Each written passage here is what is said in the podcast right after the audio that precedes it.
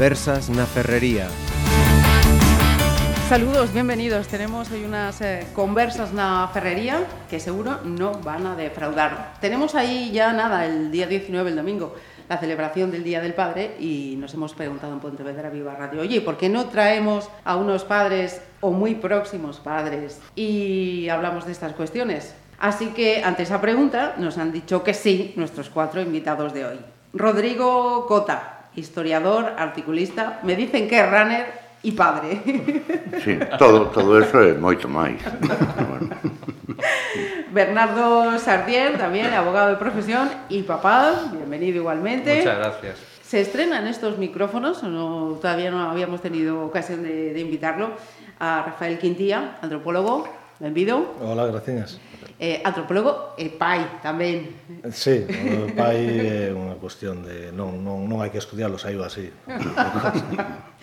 eh, decía antes eso de próximamente pai, porque é o caso de, de Valentín García, eh, que tamén estuvo xa nestes micrófonos, ele é director comercial, e Pracando, para mm, finais de abril, aínda que polo tamaño igual para o día de xa. Graciñas. Decir entón que vai ser eh, o primeiro, lóxicamente. Sí, sí, sí, o primeiro que o saiba. e que, que saiba Cris tamén, efectivamente. eh, os vou preguntando para situarnos. Rodrigo, a que edad fuiste padre e que edades tienen as criaturas? Pois mira, eh, eu tiña 22 anos e as criaturas teñen 28 e 21. Ou seja, se xa son casi tan vellos como a min. Xa ten 28, María. 28 anos. Sí, sí, sí, sí, sí, sí, sí. Onte, onte vale. seguro que lembras como estaban a, a poner os cueiros. Bueno, eh, non, non vais a pensar, eh? non, non teño tanta memoria. Eh, a verdade é que ademais os, recordos daquela miña etapa da vida son un pouco confusos, porque era, pois, lóxicamente, cando naceu a primeira, bueno, eu era moi noviño, e non tiña, lóxicamente, experiencia como pai, nin como ningunha outra cousa. Entón, bueno, eh, era, era complicado, era un pouco complicado, pero saleume unha, unha nena moi boa, sí, sí, sí. Fixemos As dúas? Un... A outro neno. Ah, en Que saleu ah, tamén, ah, saleu ah. tamén moi bo, sí, sí, son... Chica e chico. Chica, ah. sí, sí, sí. Eh, Bernardo. Pois eu fui un pai con 48 anos, uh -huh. o sea, pai, avó, pero sempre digo que que quizá é mellor ser pai maduro, porque eu non creo que con 20 anos, con 25, incluso con 30, se me apura, non? Estexas en condicións de aturar certas cousas dos nenos. Cando tes 48 anos, polo menos no meu caso, tes moita necesidade mm. de ter un fillo, non? Eh, xa che digo, 48 anos disfrutando moito dela. E sin ánimo de preguntarte por tu edad, quantos años tiene a criatura? la criatura tiene siete. Tiene siete, siete años. añitos. Rafael, Sí, pois pues nada, pois pues eu eh, iba a decir tiven a filla, bueno, non a tiven eu, tivo a nai, pero eu estaba ali, de, de testemunha, e eh, tamén foi parte, foi un parte eh, activa, non? Que eu saiba ten, ela ten 9 anos e tivena con 36 anos. Uh -huh. Creo que é unha idade boa porque xa non un, todavía tes moito moito tempo por diante, a diferencia, digamos, eh, de idade non é tan grande no sentido de que cando un xa é unha persona que iba a decir que se vai xubilar, eso non vai ocurrir, non? Pero eh, cando a ti ben si había esas expectativas de que alguén se pudera xubilar, entón mm, xa terá unha idade que poda ser, en teoría, independente. E por outra parte, tampouco eres un, un crío que non, non sabe nada, xa tes unha experiencia un pouco eh, vital, eso te permite ter unha perspectiva eh, máis grande, eh, paciencia tamén, paciencia e ganas de, de disfrutar e, e, e vivir a, a paternidade dun xeito máis, máis consciente e responsable. Mm. E, Valentín, eh, no teu caso, con que idade? vas a ser pai? No meu caso con 43 que teño recén cumpridos e con esta idade non podo acordar máis o que dixo Bernardo, indudablemente, claro, mm. con madurez. non, no meu caso máis plantexarmo antes era eh, bastante difícil polo ritmo de vida, polas responsabilidades que, que conleva efectivamente. É certo que aínda se con 43 agora penso e tamén me, metería telo me tería gustado telo antes, non? Me, con outra enerxía, polo que Rafa tamén efectivamente con outra paciencia Uh -huh. Que con 30 tiña moita máis enerxía, a paciencia eh, foi aumentando con estes anos. Pero é certo que me rejuvenece, perdón. Ajá. Estou así que me salgo en camiseta.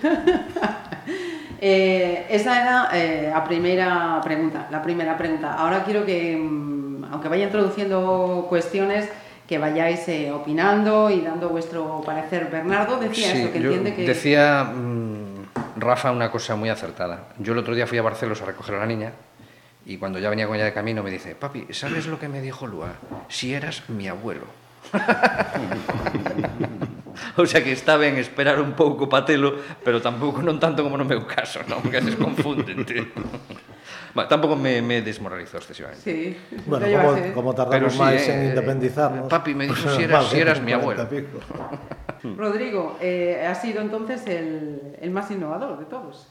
Sí, é que tampouco concordo moito co, con Bernardo como habitualmente en, en eso de que eu penso que non hai unha idade eh, mm, ideal para ter un fillo. Falamos a veces destas cousas como se fóramos os primeiros pais, non?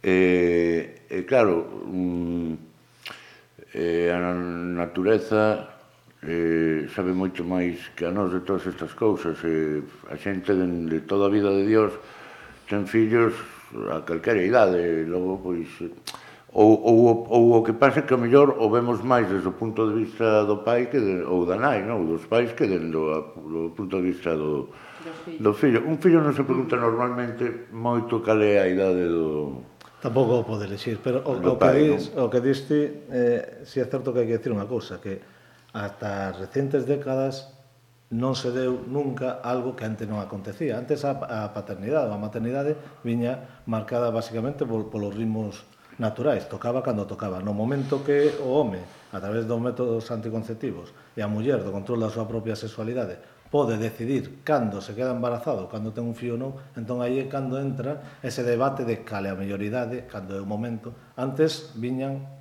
cando, cando quería Dios. Bueno, de, entón de, de todos os xeitos, Bueno, acabome de enterar de que Rodri e eu discrepamos moito. Pero dito isto, vamos a ver. Onte saiu un reportaxe na tele dunha nai de 63 anos, convencidísima con mellizos e que máis tiña outra filla, non? Isto suscita un debate. Ou creo que pode suscitar un debate. É mellor ser pai con 63 anos ou con 18? Incluso con 16 ou con 23? En sentido isto un pouco con Rodrigo. Tampouco se pode como decir, marcar pautas concretas para que unha determinada edad hai que facer isto e a outra edad hai que facer outra cousa. No meu caso, veu cando pudo vir, porque por razóns tamén de tipo eh, personal, a miña compañeira tiña dous familiares enfermos, non pudo vir antes, non? Uh -huh. Pero chegou cando chegou, para mí un tesoro está aí, eh, se si non pudo ser antes, pois foi cando foi. Chegou no momento que tiña que chegar, uh -huh. creo eu, non? E luego el concepto de familia tradicional, que tamén uh -huh. empieza a decaer para empezar, el vínculo matrimonial cada vez menos matrimonio, o uh -huh. tengo entendido cada vez menos matrimonio, matrimonios del mismo sexo, que son capaces de darle idéntico afecto o incluso a veces mejor que un matrimonio heterosexual peleado. Uh -huh. Es decir, está cambiando todo. Por lo tanto, tampoco creo yo podemos establecer horas concretas o días concretos para decir tener un hijo. ¿no? Va un pouco en función de las circunstancias. E, en todo caso, é unha, é unha opinión... Eh, son dúas visións. Cal é a mellor idade para ter un fillo? dendo o punto de vista do pai ou dendo o fillo. Habería que preguntar aos fillos Non, e para ti foi boa a tua. Eu falo dende a miña perspectiva. Claro, e para mí foi boa a como miña. pai, non como fillo. Claro, como mira, como fillo eu quería ter un pai de 20 anos ou de 60, que non. Bueno, ou que durase toda a vida. No, no, normalmente como fillo que queres ter un pai que cambie de idade según che convén. Cando che. Sí, non está mal iso. Claro, quero que teña máis idade, non? Agora que teña menos anden de viaxe que da casa vacía. Eh, claro, ao final tamén hasta de fillo nos gustaría que a idade porque de feito de fillo eu que tiven, eu que fun o maior, e miña nai xa era maior. De feito tamén sempre decía, non vou ter os nenos con 37, digo, a edade miña nai. Hmm. E, e cumplín, efectivamente, os teño con 43. pero, pola idade, pero, pero sí que sí que notas que hai veces como fillo que, oye, que os pais eh, se pasan de idade para certas historias polo que din eles, basicamente, moitas veces incluso, e outras veces eles tamén che din e se contradín que lle gustaría ser máis xoven, o que coido que nos pasa tamén a todos, porque efectivamente eh, Tamén é, haber- é un proceso, é un fillo invade a vida persoal de tal xeito que, que Uh. te afecta positivamente, imagino que negativamente outros aspectos. Tota, Sí, pero, totalmente. eh, eh, totalmente. volviendo a lo que decía Bernardo, quizá también esa reflexión de, de los pequeños, ese eh, por las necesidades ahora mismo de, de- de las, de las parejas, que son los abuelos los que están ejerciendo muchas horas de, de abuelos con los niños. Sí. Quizá también por esa pregunta. Sí. Ven mucho a los niños con los tamén, abuelos. Tamén é verdade. Todo cambiou, cambiou pero, o concepto sí. tradicional de paternidade. Pero de mira, eu, eu por, volvendo ao tema das cidades, cidades dos países, eu vexo, por exemplo, a, a Sainza, que é a filla de Rafa, ou a Martina, que é a de Bernardo, eu penso que se si cambio as cidades dos pais, non? serían exactamente como son. Uh -huh. eh? Entón, eu, dende ese punto de vista, Si penso que eh, moitas veces abordamos eh, todas as cuestións dos, dos fillos sempre desde o punto de vista eh, dos, dos pais. Outro día, despois un xantar, tiñemos unha conversa non tamén sobre que pasa se si os fillos se separan, eh, e, se os pais se separan, perdón, e tal e cual. E, digo, pois mira, eu penso que o primeiro habería que, que, preguntarle, que preguntarle aos fillos que queren facer, con queren. Os fillos, os nenos teñen moito máis criterio do que normalmente nos creemos. E son moito máis inteligentes do que nos eh, pensamos que son. E, entón, bueno, eu penso que o que probablemente tiñamos que... Mira, o próximo ano vimos por lo menos Otra. cada un cun fillo. Claro, para preguntar, sí. claro, para vale, que eles tamén opinen, claro, perfecto. claro, claro. Uh -huh porque probablemente non están de acordo moitas das cousas que nos poidamos decir aquí esta hoxe eh, e seguramente teñen máis razón que nós. Bueno, eu voto porque tamén vou falar o nome de Antón, que o meu é ali me dará razón sempre. Sí, seguro. Teño un pai, cojo, non? Bueno, eu creo que eso é un pouco natural, idolatrar a figura do pai. Pásame a min que estou entrando na plena madurez, para utilizar un eufemismo, non? casi na xubilación, pero idolatras a figura do pai, sobre todo se o pai desapareceu. No meu caso, o meu pai era un fenómeno, non? Pero tendes a idolatrar a figura do pai, e da nai tamén. Eh? Uh -huh. Meu pai de, sempre decía, creo que en unha ocasión o comentamos, en unha tertulia, meu pai de, tiña dúas máximas. Na vida, o máis bonito son os nenos e os cans, por este orden, non? E logo sempre decía, os nenos, no fondo, son das nais. Uh -huh. Das nais. E poñe querer moito ao pai, pero ao final non suposto problemático, de sempre como que acubillan máis sí, la, son sí. tópicos, non? Hacia nai, non? nenas dos pais. É tópico porque sí, porque sí. no meu caso voume deter aquí. Eu decía yo outro día, fira que ten curioso, tamén nunha tertulia estábamos Rafa e, e, e Valentín e falamos deste tema. Mm. Eu lle decía que eu me teño arrepentido moito de non haber collido a meu pai e dicirche quero te moito e incluso quero te máis puntos suspensivos, ¿no? Mm. Hay unha una que despois de ahora mismo precisamente con el día del padre recordándonos de fallecer, que se mm, despois de fallecer sí. mi pai, mm. acordei moito e, eh, e dixo Rafa como bo antropólogo dixo unha cousa moi interesante, digo, non te preocupes porque seguro que el o sabe. Mm. Gustaría preguntarche por que dixeche eso. Ti crees que que hai unha especie ou foi unha frase sin máis ou eso nos daría para outro debate entrar no mundo da, das crenzas e das cuestións espirituais eh, porque Eh... Probablemente porque pensas que se si eu o creo, debe ser así, non? Claro, eh, e independentemente, claro, falar, isto sería eh, falar de que hai máis alá da morte, non? Como galegos, isto vennos de vennos nos xens, non? E de feito é algo moi habitual entre os galegos, pois incluso falar cos mortos, velos. Entón, eu creo que se si ti estás convencido de que de que lo sabes, se si ti queres que lo saiba, vai no vai no saber. Bueno, eu de feito entón, que sou... Aí a conciencia, ademais, non sabemos tampouco onde está. Bueno. Eu de feito que non, sen, que non son crente, que me considero unha persona moi racional, subo todas as semanas a San Mauro, estou ali 20 minutos facendo parvo, mirando para o nicho, e interiormente falo con él. O sea, que ten moita razón eso de que os galegos somos un pouco eh, un pouco do máis alá, non? Home, dice que non hai lugar onde estén máis vivos os mortos que en Galicia de fundo. Por. Eso tamén está cambiando, igual que cambiou o concepto de familia extendida, está cambiando o concepto da, da percepción e integración da morte na nosa vida, non? nas sociedades actuais, eh, capitalistas, eh, urbanas, vivimos de costas a morte, a morte apartase, non interesa, non? E iso ten graves consecuencias, porque non ser consciente da, da finitud do ser humano fai que vivas como un auténtico irresponsable, non? Tamén moitas veces.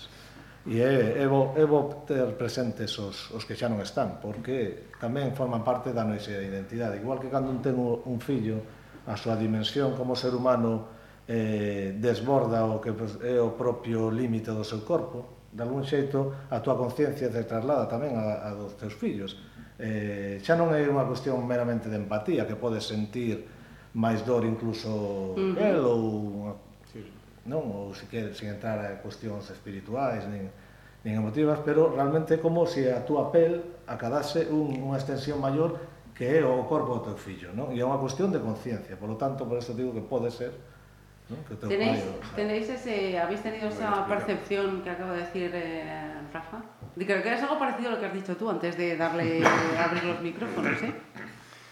Sí, claro, eh, eh, eu, eu non o sinto non o sinto con fillo, pero si sí é certo que o puiden sentir como Inmar Malló... No, no, me refiero Malló. cuando decías eso de la responsabilidad que... Ah, co decías, en relación vale, a lo vale. que dice... O que decía pois pues eu decía así que me estaba entrando medo da responsabilidade, non? Que uh -huh. antes era eh, é, é certo, non, non sei se é o medo e eh, tal, pero pero si sí, eh, é case unha autoxustificación, porque o certo é que a toda agora eu era responsable, eu coa miña relación con Cris o que quixéramos facer sen problema ningún, agora hai moitas máis responsabilidades. Quer dizer, trascende incluso as miñas decisións a partir de agora van a estar condicionadas dun modo que non sei e, e, e por alguén, ademais, que neste caso é o meu fillo. Eu... Encantado de que sexa así tamén. Por eso, é certo que esta mesma reflexión que fago agora non creo eu, subjetivamente, particularmente eu tamén, que fun bastante baliña por aí, eh, que con 35 poidera facer e poidera xa non facer a reflexión, senón asumir tamén as consecuencias da reflexión. Uh -huh. Eh... Habéis notado tamén ese, ese cambio, ese... Mm, algo pasa, algo me transforma cando, cando se... Bueno, vamos a ver, Eu o que penso sobre isto é que eh, en realidade somos mamíferos, non?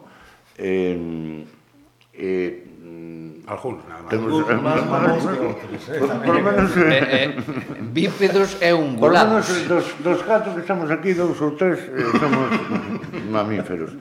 Entón, o, o proceso... O proceso de, de, de ter un fillo e crialo pois eh, é unha cousa absolutamente natural que por lo menos no meu caso non merecía cando os meus ora xa é diferente porque xa son maiores, non? Pero cando eran nenos, pois eu non facía tampouco ese tipo de reflexións, tamén porque eu non son persoa de grandes profundidades, non? De, de, de eh, pararse a pensar, non, sobre todas estas cousas, non? O sentido da vida e tal, bueno, para eso está Rafa que é antropólogo e logo estes outros que... De Bernardo que é un hipocondríaco do carallo. Eu son, son máis de, de mm, escoitar o que pensan outros sobre ese tipo de cousas e non facer moito caso porque a miña experiencia, lóxicamente, cando tens un fillo, a vida te cambia, lóxicamente, adquires unha serie de responsabilidades que antes non tiñas, E xa está, aí, aí se acaba, aí empeza e remata a cousa, bueno, non? Pois como tes un fillo, tes que, tes que crialo, e, o mellor que saibas, o mellor que poidas, e, e sacalo adiante. Uh -huh. Tampouco depende moito de se si che gusta ou non che gusta, non? Dicir, ou eres unha persoa responsable dos seus actos ou non o eres. E, se si decides eh, ter un fillo, pois Se está, xa o tes, entón hai que botarlo adiante e non darlle demasiadas bueno. eh, voltas ou pasarse horas e horas pensando, non, cal é o meu novo papel nesta vida, claro, o meu novo papel nesta vida é o que tiveron miles e miles e millóns de persoas antes que min e outras que, e que terán outras antes tamén, non? No. Eso non significa que eu sexa un pai irresponsable, ni moito menos. Mm. Significa que, bueno, que eu asumo ese papel de pai con toda a naturalidade do mundo, sin facerme demasiadas preguntas. Ajá. Eh, eu estou de acordo en parte co que di Rodri. É dicir, incluso os invertebrados son pais. ¿no? Polo tanto, moi complicado non debe de ser. O que pasa é que o ser humano tende a racionalizarlo todo, a construir unha especie de estrutura de pensamento sobre un feito que é absolutamente natural. Pero, aquí meu primo, nunha tertulia unha mañán, díxome unha cousa que a min eu pese que a veces non me entero, pero recollo, non? É dicir, cando os nenos eran pequenos e salían na bicicleta, eu non quería estar diante. Sí, é verdad, é verdad. Sí, sí, Porque pensaba que se iban a hostiar en todo momento. Sí. É que ese é un tema... Esa é unha sensación que vai cos pais. Ah. É dicir, se si os tes diante, tes que vigilalos. E se non están contigo, en algún momento che ven a cabeza que que pode, pode pasar. pasar. Ese é un cambio fundamental. E, e perdona que te, que no, te no, no, no pero os invertebrados son proxenitores. Non son pais, pero interesante. Pais somos nós, porque é unha concepción cultural. Eu logo, logo me contades ter que é un invertebrado. Todos os animais teñen fillos. Es que non Estou preguntándome pero... que cara eu era un invertebrado. non sei o que é. Un... Pero non teñen vértebras. Significa... Unha miñoca, non? Por exemplo. Non sei. É un, inverte, un, un vertebrado atornillado son eu. Non quero dicir que... sí, Significa exercer. É verdade, é verdade. Exercer, de feito, non todos os que teñen un fillo son os pais. Para empezar, por exemplo, en, en, en, en parellas homosexuais. Vale? Son os pais, pero non é o proxenitor, moitas veces. Non? Uh -huh. Porque unha cousa é ter un fillo e outra cousa é exercer de pai o que é o papel, que é unha construción cultural do ser humano, o que significa sí. ser pai e esas responsabilidades. E obviamente cando ti tes un fillo, ou no meu caso, eu non me sento debaixo unha figueira como Siddhartha a meditar sobre cal é o meu novo papel, é algo totalmente é natural, pero totalmente. eu o que percibo foi toda a experiencia é ese cambio de que é como se a miña conciencia se estendese o que é esa persona. E non só eso, eh, para min hai tres claves fundamentais cando eres pai. Unha pode ser esa, pero fundamental é un fillo, se si tienes unha persona un, un pai, neste caso, bueno, pero un pai, eh, responsable. Iba a decir normal, normal é unha palabra tabú que non poden usar os antropólogos, nin normal, nin raro, non existe, porque é unha percepción eh, etnocéntrica, pero se si eres unha persona eh, decente, eh, ter un fillo, eu creo que faiche mellor persona do que realmente es. Faiche mellor persona no sentido, se si ti eres responsable, de que intentas ser mellor do que faz, intentas ter, facer un esforzo porque de algún xeito eres un modelo. Non? Entón, se ti eres consciente deso, intentas esforzarte. Pois hai pais que son auténticos desgraciados, Desastre, obviamente. Sí. Pero falo, se ti eres consciente de que para o teu fillo es un modelo, esforzaste por ser mellor incluso do que realmente eres. Uh -huh. Ou polo menos por disimular. No, no meu caso son un pai ¿no? moi papán, é dicir, o sea, quizá porque tampouco estou tanto tempo coa nena como, como miña compañeira. Pero son un pai moi pouco transgresor e tamén moi tolerante, porque tamén foi o que o que vin no meu pai, non? Uh -huh. E no meu caso concreto, cando naceu a nena, eu teña tantas ganas de que chegara, decir, tan, había si se pode decir, había golfeado tanto, había visto tantas cousas, había feito moitas cousas e o que me apetecía era ser pai, era o que me quedaba, non? Uh -huh. Eu recordo que a mí mareame a sangre, é dicir, non son moi pouco hipocondríaco, non? Rodrigo sabe porque eu teño pasión polos prospectos. Un gran lector de prospectos. Un gran lector que de... eu ata penso que debería escribir, algún día gran, debería escribir un prospecto. Un gran lector, un pero gran... sobre todo un gran lector de prospectos de medicina, ¿no? Entón, non soporto a sangre, pero tiña claro que quería gravar ese momento. Mm. Efectivamente, gravei como tiraban a placenta ali a un lado, porque o feito de nacer é un feito mm, si podo utilizar a expresión, un pouco grimoso, se si o ves de cerca, non? Parece a matanza do porco, realmente. Tiran coa placenta ali a un lado, a placenta é gris, sanguinolenta, a moller ai, ai, ai, ai, e ti coa cámara. Dalle que te pego. Pero bueno, logrei inmortalizar o momento. E logo levaron a pa un serón. E a miña compañeira esmendrellada, claro. Eu fun ao serón, mirei a cara por primeira vez e quedei como sanero. Cen anos. Agilipollado. É dicir, era tantas as ganas que tiña ser pai que me quedei mirando e resulta que pasou unha hora. E cando fun á habitación chupei unha bronca da partener, pois, joder, de aquí... E tú onde estaba? Estaba vindo a la niña. Me quedé una hora o hora y algo, no recuerdo, Sí, sí, muchísimo sí. tiempo, hasta el punto de que ella se enfadó porque dijo, joder, que yo estuve También aquí necesito, también dándolo, reclamo". dándolo todo, ¿no? Y claro, tenía toda la razón del mundo, claro. Yo veía aquello y, y la sensación que tenía, termino ya, la sensación que tenía es, Esto es una obra, porque es una obra, ¿no? Pero eh, no me pertenece. Fue la sensación. Esto pertenece a todo, pero desde luego ya no me pertenece a mí. Lo hice yo, en parte, ¿no? Pero non me pertenece. Esa foi a sensación que yo tuve cando nació la Peque. Sí. Claro, ten, ten a súa vida. Pero eu o que decía, eh, ti como pai te gustaría que a tua filla estivese orgullosa de ti. Hombre. Non? E eso fai... Sin duda ninguna. Fai que te esforces. Sin duda.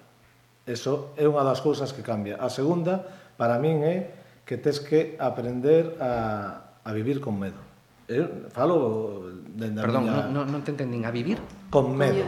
Con medo. Con medo. Sí, sí, antes decíamos. An, eu antes sí, podía sí. facer, pues, non sei, se si me quería ir a facer un cañón, un barranquismo, e tirarme unha poza, me tiraba. Agora xa non fago esas Pénsalo, cosas. claro. Porque hai unha persona que depende de min. Eso por unha parte, o medo a deixar a esa persona. E por outra, o medo o que lle pase. Cando sai, cando vai en bicicleta, tes que Uh -huh. Cando sexa adolescente, saia polas noites, tes que aprender a vivir con medo, un medo que antes non tiñas. É unha responsabilidade Porque maiores. crease un vínculo afectivo, incluso de, de, de dependencia casi, emocional respecto a esa persona. Entón, tes que aprender a vivir con medo, intentas esforzarte por ser incluso mellor do que eres, e despois a túa a túa percepción, non? É como se si ela ou esa persona fose unha prolongación tamén de ti, non? Os seus logros son de algún xeito como os teus logros.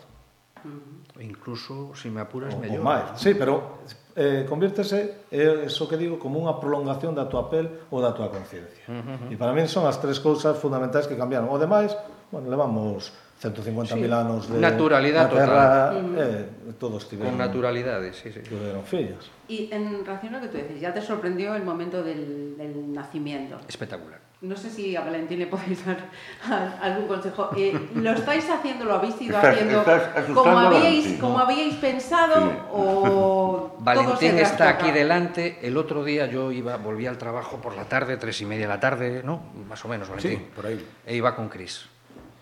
Y claro, yo notaba a Cris un poquito más rellenita. Pero claro, no quería meter la gama, porque soy muy mete pata. Entonces no dije nada, pero estaba al quite. Y cuando ya nos despedimos, bueno, ¿qué? Me dice Valentín, bueno, ¿qué? "Ah, pues déjame que toque. Le di un abrazo, pero del carajo, lo abracé. Y dije, mira, como experiencia, de las más bonitas que yo he vivido en mi vida. La más bonita, probablemente, ¿no? Pero eh, está siendo o ha ido siendo como habíais previsto. Pues yo le voy a llevar por aquí, no le voy Eu a tampouco planifiquei No. nada, nada. No. Merquei unha enciclopedia destas de desas que venden de tal, pois bueno, hai que prepararse. No. Merqueira non a cheguei a abrir. Unha vez que naceu a nena, dixen, pero se si isto, o que hai é que deixarse, eu son máis partidario da educación natural, da o que eu chamo a paleoeducación.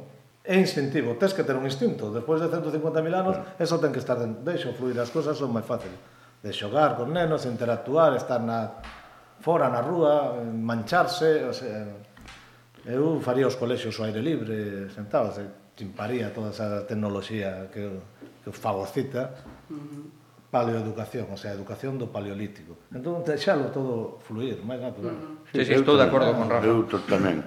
Eu sempre pensei que eh, o máis importante que podes eh, ensinar a un neno é a ter criterio. Non? A, a non creerse todo o que lle digan, a ter ideas propias, a, a cuestionar as cousas, incluso a cuestionar o que eu lles digo, algo no que desgraciadamente fixeron moi caso, pero eh, eh, desgraciadamente para min, porque eles folles ben así, non?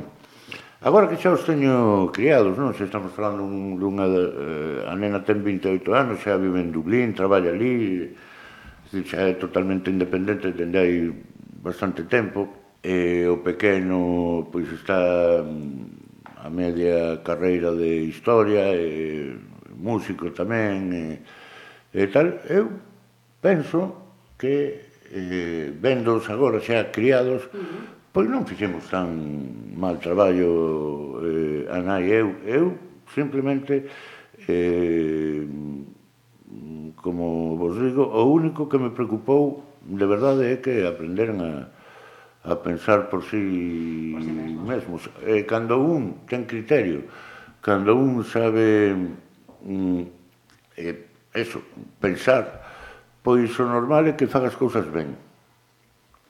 E, e, e non ten que ter un pai todos os días en riba dicindo isto se fai así, isto se fai doutro xeito. Mais ben, o que ten que ter un pai unha nai que diga como crees ti que hai que facer isto? Uh -huh. eh? Ou como crees ti que, que, que crees ti que é o que está ben e o que está mal? Eh, se os faz pensar, o resto xa o fan eles solos. Uh -huh. Non hai tampouco que estar todo o día encima deles, dicindolle fai isto, non fagas isto, isto se fai así, isto se vai andando. E logo, eh, claro, como todos nós, pois tamén aprenden dos seus erros, non? Entón, se está, eu penso que, como vos decía antes, pois a natureza é sabia e fai moito... A, a, o 90% do traballo fan os propios fillos e fai a natureza, non? Logo que pasa que nós pensamos eh, que todo depende de nós, non? Eh, que, eh, que se un fillo comete un erro, o erro é noso, ou se ten un acerto, o acerto é noso. É verdade, como dicía antes Rafa, que si eh, a min cando un dos meus fillos fai algo ben, eu síntome orgulloso, orgullosísimo, síntome de algún xeito partícipe dese éxito, pero probablemente estou errado, non? Uh -huh. Ciro, o éxito é seu. E a miña participación no éxito, éxito redúcese a ver Pero pois, participado na súa concepción, certo disfruto modo. como meu, claro, lóxicamente, claro, porque é meu fillo, ou meu, ou a miña filla. Exactamente, sí, sí, sí. Más eh, de acuerdo con el padre, que tiene claro que es el padre, o el padre colega, que de un tiempo a esta parte tanto se ha querido también Eu son pai, non son colega. Colegas son os compañeros de clase, pero eh, ser pai non quer dicir que teñas que ser un pai autoritario, dictador, non. O meu papel é, é, é como pai. Por lo tanto, isto non é un foro de debate de, de Podemos, por decir algo, non? É, claro, unha familia non funciona así, non? Non ten que haber, eh, te, hai, hai certa eh, rango, non? Un rango, pero Pero razonar, explicar, eh, ser flexible, entender incluso cando te, ti lle dis, oi, hai que facer isto, e que cho rebate con argumentos, porque o fundamental é que aprendan a pensar. Entón digo, oi, pois, ten razón. A ver, a mí, eu quero que fagas isto. Igual eu estou equivocado, pero tens que... Pero ela está argumentando correctamente o, o, o que ten que facer e defende o seu espazo e defende o seu interés, que é o que ten que facer un ser humano. Por lo tanto, eu non lle podo censurar por eso. O que pasa é que eu lle podo decir, non, pero que esta hora tes que deitarte, porque senón mañán vas a dormir sete horas e non é bo para ti. Correcto. Entón, eh, eh, xogar moito, compartir cousas con eles, xogos, eh, axudarlle no que podas, e, eh, pero eso non é ser un pai colega, eso é ser unha persona con dous dedos de frente que quere o mellor para o seu filho. Non queres decir normal. Non, non quero decir normal. non quero decir normal. Eu son un pai como decía teu tío, eu son un pan moi papán. Decir, cando o tío de Carlos, que é un bo amigo meu, tuvo seu fillo, eh, eu dicía, moito babeas e tal. Eu comprendía, comprendía, pero non, non o comprendía en toda a dimensión, non? Entón, el me fixo unha profecía, me dixo, el día que tú seas padre, vas a ser incluso máis tonto que yo. Te vas a comportar de manera incluso máis tontuna que la mía. Efectivamente, se cumplió la previsión. Yo soy un padre, yo con Martina soy un padre que tres o cuatro veces al día le digo que la quiero. Y ella me dice a mí, yo también te quiero, papi. Pero además lo dice con mucha sinceridad, lo dice muy espontáneamente. Porque yo también se lo digo así. Yo también se lo digo así. Pues yo quería mucho a mis padres. Yo sentía que mis padres proyectaban muchos efectos sobre mí. Pero de aquella, No se verbalizaba. no. Yo creo que eso nos pasó. Eso es fundamental. Cuando nos Sí, dijo mi padre o mi madre, cuando nos, o vuestro padre o vuestra madre, cuando dijo, ¿cuánto te quiero, hijo mío? Que es una cosa que tiene, puede que un valor simbólico nada más, ¿no? bueno. Eu, eu penso que os eh, eh, fillos tampouco, en canto teñen 4 ou 5 anos, é dicir, por moito que un intente ser un pai... Outra cousa é, por exemplo, cando un é un pai autoritario, non? Entón, bueno, eso é diferente. Pero un pai colega, un fillo nunca veo a un pai como un colega. É dicir, por moito que o pai o intente, o mm. fillo nunca vai ver así, non? É dicir, para o fillo tires... Eh, A figura paterna ou materna, no caso das nais, entón, eh, por moito que un pai chegue E a veces hasta resulta patético. Se ti sí. chegas ao teu fillo cunha gorra de lado, no mono, o que se chamaba monopatín no mes tempo, eh, que pasa de colega? Tira, tires gilipollas, claro, papá. Claro, no, claro. No, no, decir, sí, sí. non sí, fagas sí, o ridículo. Sinten vergoña. Claro, porque sí, ti tes un error. Claro, claro un rol que entón, a, a, a figura do, do, Pero do pai hai, colega hai un rol que le establece aínda que non queiramos a mí me agasallaron sí. un libro fai non moito eh, que el cerebro del niño explicado aos padres vai moito a teoría que decías ti tamén decir, oye, non xa a natureza nos dota dunha serie de, de, de mecanismos eh, que é certo, dende que o lín agora vexo moitas veces a reacción de, de do meu entorno, non? Con nenos que acaban, que ainda son pequenos e tal, e ah. os tratan como ese obxeto así tal, e eu comparo co que ven o libro e digo, este anda pampanao. Porque efectivamente, ese neno vai desenrolando, e ali mm. efectivamente ben explicita que ese neno desenrola unha serie de conexións neuronais que llevan medrando co seu cerebro, que xa ven preparado para estes primeiros anos de vida, aínda que nós non fagamos nada, simplemente con acompañalo vais a criar, e des, desenrola unha serie de conexións neuronais que nunca ese cerebro despois, cando exerza a memoria, vai poder deixar de ver a un pai como un pai, ou unha nai como unha nai. Por moito que os pais e as claro. nais queiran ser super colegas. Uh -huh. eh, o, o escalafón, é dicir, a parte onde a, a ti che toca na construcción eh, da vida, da idea de vida dese neno, e de pai e de nai. Outra cousa, efectivamente, as relacións que poidas ter, pais máis autoritarios, educacións ou sistemas sociais que están mudando, que foron diferentes, moito máis eh, que, que transixen menos ou que tamén entendían a educación dos nenos de outro xeito diferente que a entendemos agora. Sí, sí, sí, sí. Antes se tenía educación do neno polo guiao absoluto do neno. Sí. Non, ten que ir por, por este cauce e, e eh, eh, vas ou vas. Mm. Entón, Eu teño... ese cerebro do neno que acaba de medrar, que vai crecendo, que tal e cual, que trae ademais unha serie de condicionamentos xenéticos, aínda que non queiramos, pois a teoría tabula rasa esta, se si, ou se non, pero se si ten unos condicionamentos xenéticos vai desenrolarse por uns camiños que, se o queres encauzar, eh, vas chegar moitas veces a conflictos en solución, porque vai por outro derroteiro, eh, ou cantas veces estudiaron cousas que non se querían estudiar, falamos de, de adultos incluso, que están desenrolando unha vida infeliz, porque foron condicionados mm. cando a idade lles permitía aos pais eh, telos claro. condicionados. Eso está moi ben que se que se rompa hoxe en día, non? Mm, esa, eso, esa, esa liberdade que hai que darlle dende o momento que ten que nacer é outro ser. E máis que liberdade, eso que dice é fundamental, é, é poten, é, axudar a potenciar as súas potencialidades. Se mm. o rapaz é moi malo en matemáticas, Correcto. un fenómeno tocando a flauta traveseira, por que te empeñas en, en, en, en, en que estudie matemáticas? Potencia yo que ten que sexa feliz facendo. Hoxe en día non hai seguridade absoluta, estamos queremos educar, non, para o futuro que teña este condicionamento absoluto da de educación ao, ao, ao sistema económico capitalista, cando non sabemos o que vai pasar dentro de, de 15 anos, imagínate a, a 20 e pico que o rapaz sexa independente. Preparando para un futuro que non sabe se si vai acontecer, cando que hai que, que preparar para, para ser persona e para que faga o que se sinte claro, feliz. Claro. Este é un país cheo de xente frustrada. Educar para a competición en lugar de la cooperación ou la colaboración, que tamén sería outro por, por exemplo.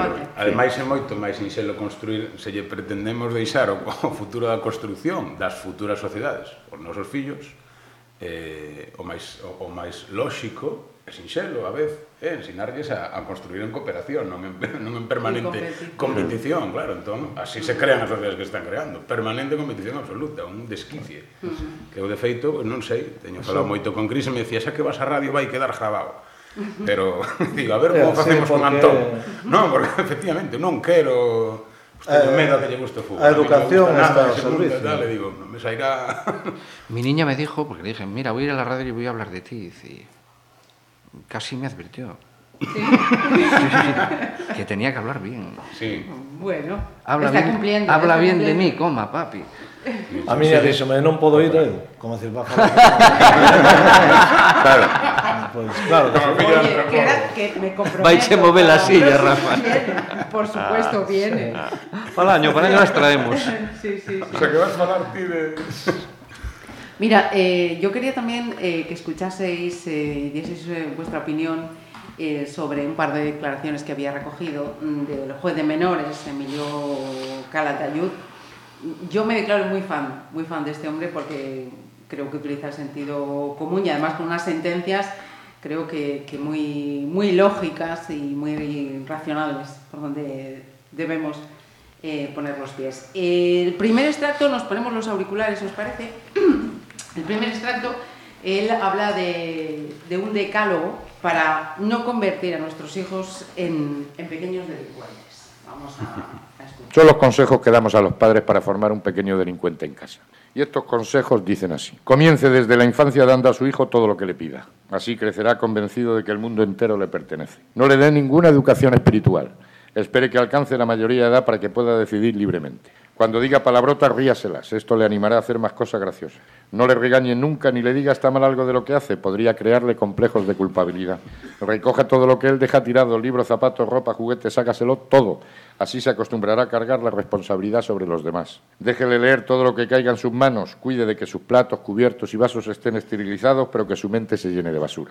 Dispute y riña a menudo con su cónyuge en presencia del niño.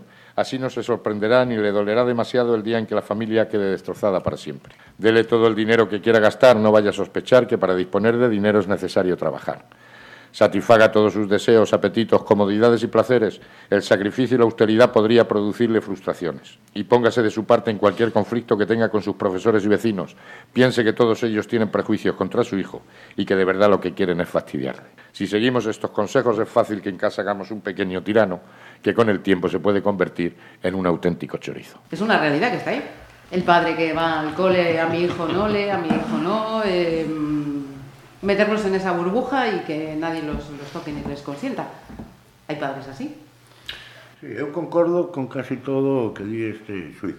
Tamén é verdade que a súa visión e a súa experiencia como xuiz de menores, pois, eh, por exemplo, como meu fillo, este señor nunca tratará -huh. porque non, non o terá sentado diante, ou bueno, espero que non, non o terá sentado diante nunca. Eh, pero quizá porque non un... nos cometido, entiendo, esos errores. Eh, de dos que... Probablemente sí, tamén, pero tamén porque, pois, eh, tamén tiven a sorte, supoño que todos os que estamos aquí, e a maioría da xente, de vivir en entornos eh, sociais e familiares eh, que non eh, favorecen convertir a un que un neno se convirta nun, no, no, nun delincuente, está, ¿no? incluso de que a él le tocan muchos muchos mm. casos de, de niños que vienen de familias media media alta. Pois pode ser, entón sí, pero pero vamos eh Home, casi, casi todo o que fala eh, responde a unha a, a ese tipo de clase social. Sí, casi to, moitas das premisas. Sí, sí, bueno, sí, por exemplo, cando de Italia, tu hijo todo el dinero, bueno, claro, pues, claro. Efectivamente, claro. Eh, eso, eso, eso, eso tener un nivel económico eh, hmm. medio alto. Un síntoma da sí. sociedade tamén consumista, un pai que non entende ben a situación, non? eso de quero o mellor, confunden o mellor para o teu fillo co o a maior número de bens materiais, non? Entón, ah, quere okay. unha, un teléfono de 500 euros, pues, pois veña. Grave error. Entón, o problema é que eh, eh, que poden caer o rapaz na, na idea de que as cousas non requiren esforzo. Despois esa necesidade, é, é fundamental, por exemplo, que os rapaces aprendan a aburrirse. Que aprendan a aburrirse, porque hai momentos da vida que te tes que aburrir. Entón, hai que, se, a ver, toma, dalle un móvil para que este entretido, ¿no? aparte de plancharlle o cerebro, con a radiación. ¿no? Podemos discutir, tes aí ao neno, no, no, no verce, co móvil, no, que non se aburra, pois ten, ten que aburrirse, eso un. E despois, como seres humanos, é fundamental para a nosa educación aprender a xestionar a frustración. Tes que frustrarte. Se, se sai mal, fastidiate. Tes que aprender a xestionar, porque na vida non sempre ganas. De feito, normalmente te van a estar fastidiando. Entón, eh, se ti educas o neno nunha burbulla material donde ten todo, donde todo é felicidade, donde o que quero o teño, donde non me aburro, donde todo me sai ben, claro, cando sai a vida real, entón pasa, pasa o que pasa. De feito, eu perdo que agora se, o, coido que agora se perde moito a capacidade de facer memoria, porque ahora que dicía sobre aburrirse, eu estaba ao mesmo tempo pensando, é certo, nos non tiñamos nin a mitad de tecnoloxía nin a mitad de xoguetes, dicir, moitos menos recursos, e a mí se me preguntas, digo, che, que non sei, que hasta os 18 anos non me aburrín na vida, prácticamente, dicir, non che queda nin esa lembranza, porque posible non te aburrías, porque desenrolabas a imaginación e pasabas cun clic, eh, do, hmm. tres clics unha tarde, unha tarde inteira. E máis, eh, fai pouco saía, eh, non? E, e, pois un curso que daban en na Coruña ou por ali sobre para altos directivos creando con Lego. Coas mans, creando coas mans. Eh, creando con Lego. Con Lego, con Lego eh, entón, resulta que os rapaces llevamos retirando esas estructuras e agora decimos que esa estructura creativa de crear con Lego porque axuda na, non vamos poder relatar, non, pero axuda na construcción visual, no desenrolo da idea, tal, salíamos altos uh -huh. directivos dicindo que nunca mellor cousa fixeran, que xojar con Lego, con 60 anos, 50 e pico e tal.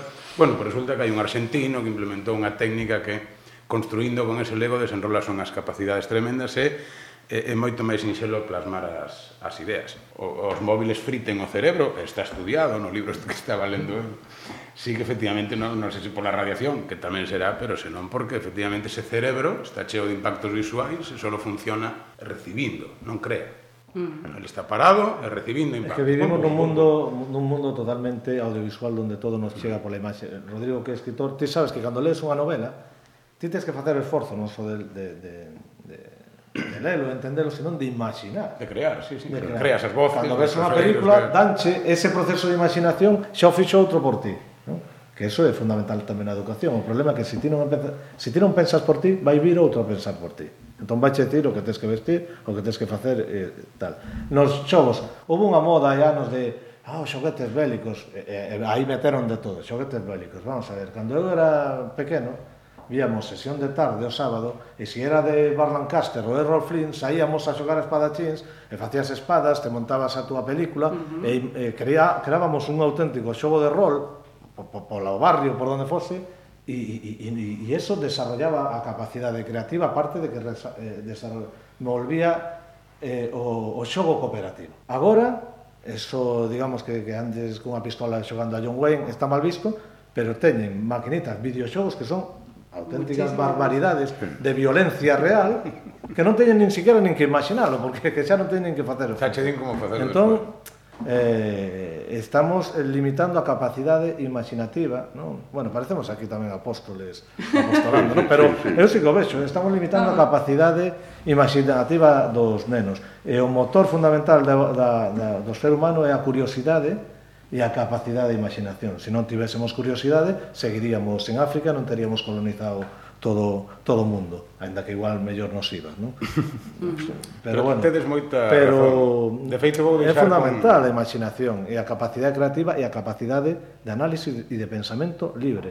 E eso é unha eso vai contra o propio sistema. E o sistema educativo e polo tanto a, a, o concepto de familia actual é fruto dunha sociedade e polo tanto está mediatizado e os servicios á sociedade non van a, a a fomentar un, un sistema que permita a independencia do individuo, a capacidade de creación, o traballo colaborativo, porque eso vai contra o propio sistema. E, e isto funciona así. Teocrática é judeocristiana, con eses dous soportes, con eses dous alicerces, judeocristiana ah. e teocrática. Decir, o concepto de familia é un concepto mm, eu creo que puramente cristiano. O que temos aquí, a familia cristiana toda a sociedade. De feito, a min parece moi ben que ahora haya haxa outro tipo de formas asociativas para eh, proxetar educación e afecto sobre os pequenos. Oh. É moito mellor, pero moitísimo mellor. A ver, eu Antes o comentamos, incluso mellor que un matrimonio heterosexual en ocasiones, un matrimonio sexual que, che, que, que encha de afecto aos nenos. É unha cousa para min indudable. O que pasa que en España todavía pesan moito pesan excesos a tradición, creo. E logo, perdón, Rafa, e logo con respecto a Emilio, eu teño que discrepar. Me parece estupendo. A min Emilio pareceme un, un gran pedagogo un gran pedagogo. Eu creo que sería un gran escritor de libros. Mm. Eh, pero non me parece un bo xurista. Sí. O, o xurista que imagina eh, as consecuencias eh, dos feitos que poden ser constitutivos dunha infracción penal, como a Lei da Responsabilidade Penal do Menor de 2005, é unha lei moi criticada. Eu tuve a oportunidade de defender bastantes pleitos primeiro no ámbito privado e logo estando en Príncipe Felipe, moitos pleitos de menores. Son pleitos moi delicados, moi jorobados. Uh -huh. Pero a lei permite che o que che permite, que son medidas re reeducativas mm, en casos gravísimos, internamento en centros uh -huh. cerrados, que en Galicia non hai moitos, en Monteledo en Ourense, non? Por exemplo, o Príncipe Felipe é un centro aberto, non? Pero mm, o, o bo suiz, o bo xurista non inventa as consecuencias da infracción. As consecuencias da infracción no sistema cerrado como, como español están previstas. Uh -huh. Emilio vais un pouco como agua de cesto. Non? Por iso a min me parece un gran pedagogo pero non me parece un bo xurista. Esa é a miña opinión. E, de feito, a realidade de que moitas sentencias que impón que pasan nos medios de, de comunicación na consideración de que isto é o mellor, isto é modificable, pero... moitas desas sentencias na Audiencia Provincial. Uh -huh. Revocadas punto de vista particular. Sí, sí, sí, Quizá sí, tamén sí. influi un pouco a deformación profesional. Pero y eu sempre desconfío do suiz que se dá moito a ver, uh -huh. que non fala nos seus actos judiciais, nos seus proveídos, nas súas sentencias. O bo suiz, decir, o ratón do dereito mama libros está no despacho, eso non quere decir que non comunique coa realidade social e de feito para interpretar as normas hai tres ou catro criterios Un deles é o de contexto social, é dicir, non se pode interpretar unha norma se non en relación co contexto social. Uh -huh. Non significa eh, aislarse, non. Pero Emilio, home, non vamos dicir que sea un suiz estrella, uh -huh. pero é un suiz que lle gustan moitos medios de comunicación, eso non é malo nin bo por si sí mesmo, pero mm, insisto, eu faría ese matiz, non? Eh, iba a poner outro extracto, pero casi lo, lo resumo y me decís también. Eh, él hablaba en el, en el siguiente de derechos y deberes, eh, uh -huh. que estamos inculcando eh, y recordando constantemente a los niños los derechos que tienen, derechos, derechos, derechos, pero se nos están olvidando los deberes. No sé si en vuestro caso entendéis que por experiencia o por el entorno... Yo tengo una magnífica opinión del sistema educativo. En alguna ocasión lo escribí. Yo, por ejemplo, no soy partidario de los deberes. Con un matiz, es decir, Rafa decía, tenemos que enseñarle a aburrirse, desde luego. Desde luego. Tienen que saber aburrirse. Permitir, desde, ¿no? luego. Permitir, Esas luego. visitas que tienen que, tener que a un familiar e tenías que estar ali media hora tal. Eh, porque eso é, é unha formación que te sirve para, para é práctica no futuro, porque terás que momentos que terás que ter a paciencia Estou de, de aguantar situacións que son incómodas para ti, e eso é aprendizaxe. O rapaz ten que traballar, a ver, dúas cousas. O rapaz ten que traballar moito, moito. Ten que traballar na escola. E ten que aprender en esas horas de traballo que eso é como o pequeno traballo do gran traballo que ten o pai, é dicir, uh -huh. ele está traballando. Pero cando pon o punto e final eu son partidario de que xogue. Eu fui un rapaz que entrou no colegio con seis anos e medio. Uh -huh. Eso hoxendía día impensable, porque están mamando, están na guardería. Que, por certo, sirven para contaminar todo tipo de, de, de, virus, de, de, de xermes, non? Pero entrei moi tarde no colegio. Estudiei toda a vida por enseñanza no oficial. O bachillerato, o COU e a universidade. Uh -huh. Estou aquí. Quero decir, a veces Eh, imprimimoslle moita presión, pretendemos ocupar de todo o tempo libre da tarde con un montón de actividades, piano, piscina, inglés, yidis e sánscrito. Tiene que ser el mejor. Que no, que no. Tiene que jugar. Mm. Tiene que trabajar en el cole y luego tiene que jugar. Yo creo que eso es lo ideal. Y eso que es tan simple, tan sencillo, pero de, tanto sentido común, yo, que eso, yo creo que eso ya los, los dota de esa capacidad para discernir lo que es el derecho y la obligación, lo que es el ocio y lo que es el negocio. ¿no? Me parece a mí. Yo trato de funcionar de esa manera. Y una cosa muy clara, si el profe, porque insisto, yo creo que tenemos un magnífico sistema educativo, sobre todo el público, ¿eh? si un profe le pone unos deberes y no son una cosa desmesurada, por supuesto que hay que decirle al rapaz que esos deberes los tiene que hacer. Pero no porque sean buenos o malos, o porque le gusten más o menos al padre, sino porque los ha impuesto su profe es y es evidente autoridad. que desde, desde la más tierna infancia tienen que ir comprendiendo lo que es el principio de autoridad. Yo creo que es imprescindible, que eso los socializa y los, los enseña a vivir en sociedad. ¿eh? Eh, a comprender lo que es una institución, lo que es una orden, lo que es, en una palabra, lo que tú decías, no solo derechos.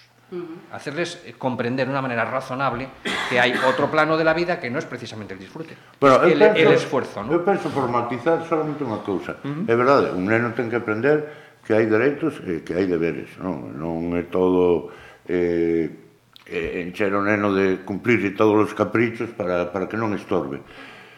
Dito eso, eu penso que tamén hai que ensinarles a rebelarse contra a autoridade, eh?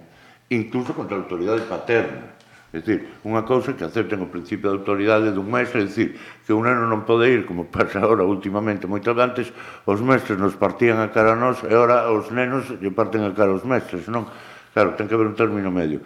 E, a partir de aí, un neno tamén ten que aprender a rebelarse contra... Non, non rebelarse contra a autoridade, é dicir, non quero dicir, neno, tens que aprender, en canto vexes un policía, eh, eh, e, e, e tira un... Matalo a hostias. Non, pero, eh, pero sí teñen que ter, eh, precisamente por eso que falaba ao principio, que teñen que aprender eh, a, a ter criterio, tamén teñen que, que, que aprender a saber cando algo é injusto e tamén rebelarse contra eso, porque que senón, pois o que podemos é acabar creando unha sociedade de adultos que foron nenos aos que se lles dixo aquí hai que obedecer ao que sí, che manden, eh, che guste ou non che guste, porque a autoridade manda.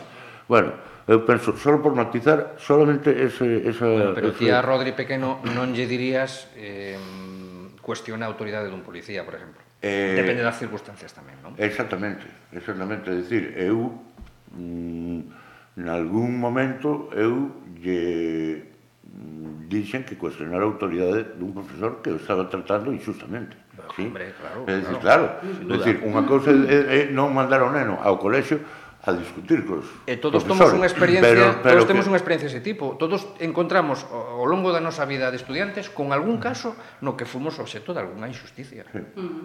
Eh? Por lo menos sí. eu. Sí, sí, e iso é un aprendizaxe, se ti mantes o neno eh, a salvo dese tipo de situacións, non? pois pues, eh, perde un, un Sí, quizá decirlle, mira, isto vaiche pasar na vida. Ola, non? Tens que, tens que interceder, está claro. Respecto ao que di o xuiz, eh, claro que os rapaces teñen que saber cales son os seus dereitos, E tamén teñen que saber que teñen unhas obrigas como calquer ser humano. Non? E, e máis que obrigas, é ser conscientes de que tamén hai que colaborar. Por exemplo, a ningún neno, a sete anos, oito, lle pasa nada porque faga a súa cama. Pero é unha forma de, unha forma de colaborar, ou, non? De, de sentirse partícipe de algo. Neste caso da familia, sexa o concepto que sexa de familia ou da sociedade, non? A, a familia é, é a primeira aprendizaxe, non? Mm. Eh? E na sociedade tes obrigas, e tes deberes, e tes que traballar en equipo, colaborar e, e socializar. Eh, en canto ao sistema educativo, habería moito que falar. A min, eh, eh, a min non me gusta o sistema educativo como está plantexado, non me gustan os currículos escolares, me parecen que hai materias hiperdesenvolvidas cuya importancia na vida e no desenvolvemento dunha persona son absolutamente eh, prescindibles nun 90% do que dan. En cambio, outras materias son fundamentais para desenvolver esa capacidade eh, crítica, esa capacidade de libre pensamento. Por eso non é casual que esas materias como a filosofía, a antropoloxía, a historia se eliminen ou se minguen nos currículos precisamente unha barbaridade. para, para aplacar esa, esa capacidade crítica Non estou a favor dos deberes, eu creo que con cinco horas na clase en determinadas edades teñen máis que suficiente. As clases poden ser moi dinámicas, moi participativas, e despois o neno ten que xogar. En canto ás actividades pola tarde, danse dúas situacións. Non, cando é o neno o que quere facer actividades, porque para el tamén é xogar. Antes xogaban na rúa, xogaban na... Hoxe en día eso non é viable. Non, os nenos están en pisos e hai que darlle outras alternativas de, de ocio. A veces esa alternativa ao neno pois, é ir a clases de guitarra eléctrica ou de, do que sexa. Non? E outra cousa é cando os pais proxectan nos fillos as súas frustracións. Non estou a favor de, dos deberes nesas idades Eu tampouco. e creo que os nenos teñen que ter tempo para xogar, para Totalmente. interactuar entre eles e despois facer aquelas actividades que, lle que eles consideran que lles que, que, que lles motiva, Independientemente que ti podas ter interés en que aprenda inglés ou que aprenda música porque crees que a creatividade coa música é bo, ou eu que sei, a mí me gustaba que fora taekwondo hasta que se cansou, bueno, pois pues, eh, agora vai a teatro. A sociedade foi Por que? Porque eso creo que era bo que se houvese darlle un guantazo se algún Rafa, vaya. Eso ten un problema, porque a min pagábame meu irmán cando traballaba na, cando estaba construindo a autopista empezou traballando aí meu irmán. Entón pagábame clases de, clases de taekwondo e logo en Campolongo non deixaba unha plata, unha papeleira viva. sí, sí, sí. Iba ao gimnasio, iba a ver unha película de Bruce Lee cando volvía por Fernández Ladreda, breaba toda a papeleira. Que o taekwondo non des, non desarrolla a violencia nin Bueno, no, no, no meu caso non era así. Pero ti eras un, o que se di na miña parroquia, esa Un jíbaro, un claro. Pues, señores, que llevamos así una horita, eso me ha pasado en, en nada, lo cual entiendo que es muy buen síntoma. Valentín, No, eh, iba- iba a tres decir- ejemplos. Sí, sí, sí, remata. Iba a decir o, dereitos e deberes que eu coido que todos, eh, é decir, eso me plantexo como sabía eu, fui mal bastante bastante rebelde contra os deberes dunha sociedade, sigo sendo en certo eito tamén, eh, son conscientes perfectamente. Cousa diferente é que despois os eduquemos para que un, un neno no momento que empeza a razonar, e ter esa capacidade, incluso a razonar, a capacidade de actuar socialmente para conquerir os seus objetivos, e ensinemos que, inda por riba, vai topar un apoio nos pais para, eh, a conculcar eses deberes. Que son moito do que ocurre agora. Ao final eres consciente que todos tes unha responsabilidades porque xa o levas eh, escoitando o tempo me ibas a preguntar, eu dicía antes, oye, sabes que tres, voulle, de feito estou pensando xa na primeira película que non teña tempo para ir tal, xa queda Antón con Bosco. Eh? Unhos pais estupendos. Conta comigo, neno, a mí nos bebés encantan. Non, pero xa sei que Cris di que pero, sea todo. Pero sabedes por qué? Porque xa estou máis na edad do avó que do pai. Claro, a naturaleza é moi sabia. Eu, eu, eu probablemente que, que non estou na edad do avó, pois eh, eh, ao mellor en 3, 4, 5 anos Estás... son agora, xa teño unha filla de 28 anos xa teño outro de 22 o mellor... polo, polo de pronto vas polo, flipar, eh? polo de pronto vai ser o padriño de Antón. Vas flipar. Si, sí, vou ser o, o padriño de Antón, o fillo de Valentín e vou ser eh, o mellor padriño de Pontevedra. Eu só, que, só quería decir unha cousa como sí. golofón. Non lembro quen o dixo, non lembro de quen a cita, pero sempre me gustou e que di sendo os nenos tan intelixentes, non? Como son os adultos tan estúpidos? Eh? Mm, Creo que algo ten que ver coa educación. E iso é o que... Rematou cunha frase. A felicidade, a felicidade do home consiste en ver morrer os pais e non ver morrer os fillos. Cierto, cierto, cierto. Rodrigo, Bernardo, Valentín e Rafael. Muchas gracias, Marisa. Gracias. E vémonos o ano seguinte cos fillos. Eh?